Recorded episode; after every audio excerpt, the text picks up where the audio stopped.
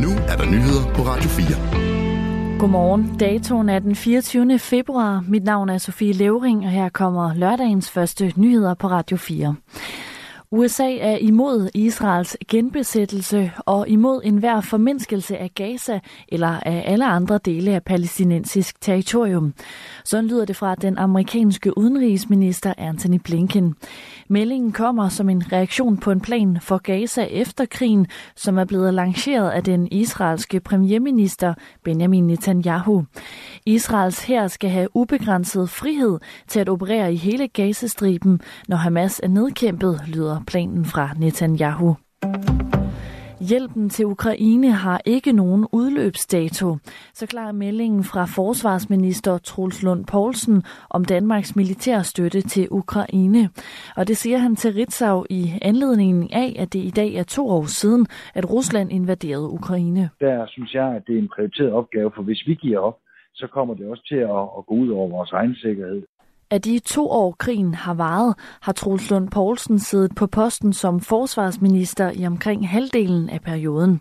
Han har blandt andet været med til at sikre Ukraine militær støtte for over 33 milliarder kroner, og som tæller alt fra artilleri og droner til kampvogne og F-16 fly. Selvom situationen er fastlåst i øjeblikket i den østlige del af Ukraine, så er det jo øh, ikke mindst vores indsats fra øh, den vestlige verden, og dermed også fra, fra Europa, der kan være med til at give det meget markante skub i ryggen til Ukraine, som gør, at de så kan blive herre i eget hus. Mm. Og, og for mig har det ikke nogen udløbsdato.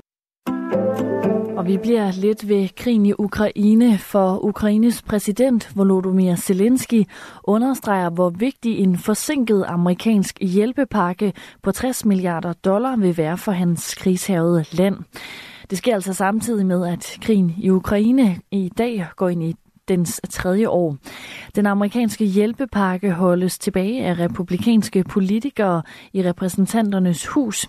Hjælpepakken er gået igennem i senatet, hvor demokraterne har magten, men indtil videre har formanden i huset, republikanske Mike Johnson, altså afvist at sende forslaget til afstemning. De ukrainske styrker har på det seneste oplevet alvorlige tilbageslag på flere dele af fronten på grund af mangel på ammunition og manglende luftforsvar. Pårørende kan være en hjælp for mennesker, der har et fysisk handicap og derfor er mere begrænset i deres hverdag. Men knap hver tredje med et fysisk handicap har ikke nogen pårørende til at hjælpe sig.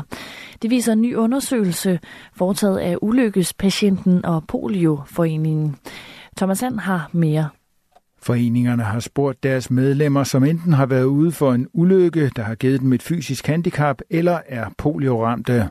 Formand for foreningen Janus Tarp mener, at undersøgelsen er et udtryk for, at mennesker med et handicap er udfordret, når det kommer til netværk. Det siger han i en pressemeddelelse, hvor han uddyber, at fysisk handicap tærer på det sociale liv.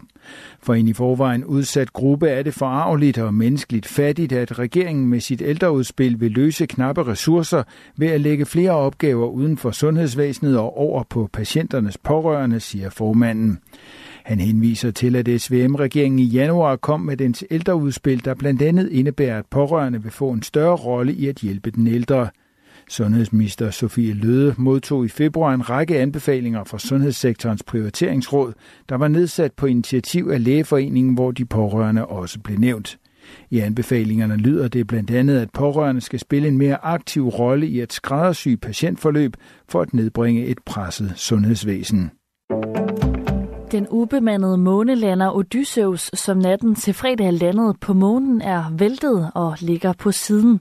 Det oplyser virksomheden bag Intuitive Machines. Månelanderen fungerer stadigvæk, og man modtager stadig signaler fra Odysseus i kontrolcentret på jorden, lyder det fra selskabet.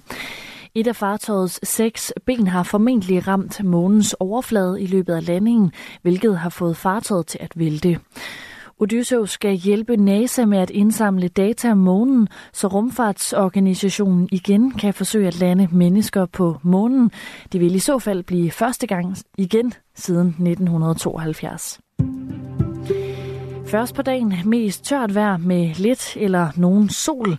I løbet af eftermiddagen bliver det mere skyet med spredte byer. Mellem 4 og 9 grader. Det var nyhederne her på Radio 4 i studiet Sofie.